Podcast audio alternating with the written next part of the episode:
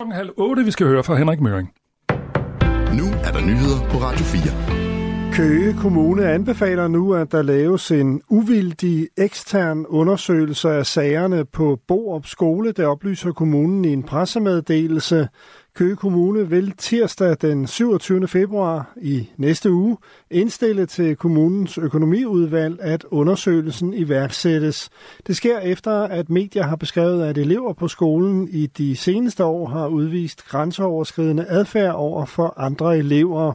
Ifølge Køges borgmester skal undersøgelsen afklare, om kommunen har håndteret sagerne korrekt.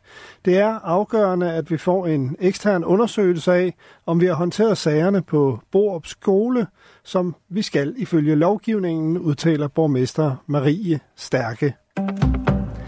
Tidligere folketingsmedlem Martin Henriksen går officielt efter formandsposten i Nye Borgerlige, det siger han til DR.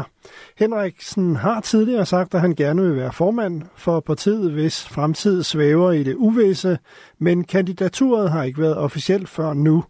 Martin Henriksen siger, at partiet skal være det mest markante på udlændingepolitikken og føre en borgerlig økonomisk skattepolitik.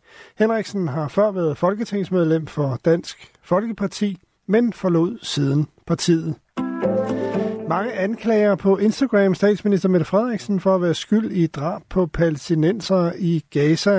Men selvom det fyrer med beskyldninger mod Mette Frederiksen om krigsforbrydelser og folkedrab, så har statsministeren ikke noget retligt ansvar for, hvad der sker i Gaza. Det siger lektor i folkeret på Københavns Universitet, Max Jagt til Radio 4. Hvis man taler juridisk, så svarer jo klart nej. Øh, Danmark er ikke, ikke en aktør, øh, der, der handler øh, i Israel-Palæstina. Mette Frederiksens opslag på Instagram bliver oversvømmet med kommentarer, der i hårde vendinger kritiserer statsministerens position i forhold til krigen mellem Israel og Hamas. Mette, du er en børnemorder. Håber, der også ryger en anklage din vej for støtte til folkemord. Så lyder et par af de mange anklager. Max Schack ser kommentarerne som en frustration over situationen i Gaza. Der dør helt utrolig mange mennesker. Der dør også helt utrolig mange børn. Og jeg tror, folk er ved at blive frustreret. Altså, jeg, jeg hører det som, uh, som frustration, øhm, og, og det, det, den frustration retter vi i Danmark selvfølgelig mod vores politikere. Det er professor i globale studier på RUG, Sune Haugbølle, enig i. Altså, vi har en kæmpe vrede i en del af den danske befolkning over det, der er foregået, og den måde, øh, den danske regering har, har reageret på det. Og det tror jeg desværre har sat sig, og det er ikke noget, der forsvinder lige med det første. Statsministeriet har ingen kommentar til sagen. Antisemitismen i Danmark slår rekord. Det jødiske samfund har sidste år registreret 121 antisemitiske hændelser herhjemme. Det er det højeste antal siden 2012, hvor det jødiske samfund begyndte sin registrering af antisemitiske hændelser.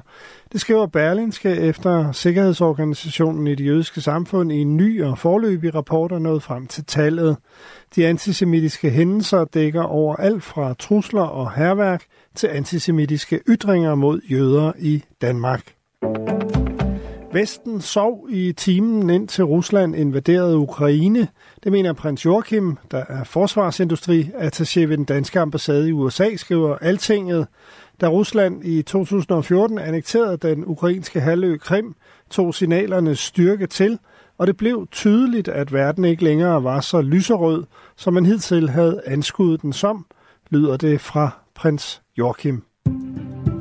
Først på dagen regn over de østlige egne 5-10 grader og let til frisk vind omkring syd.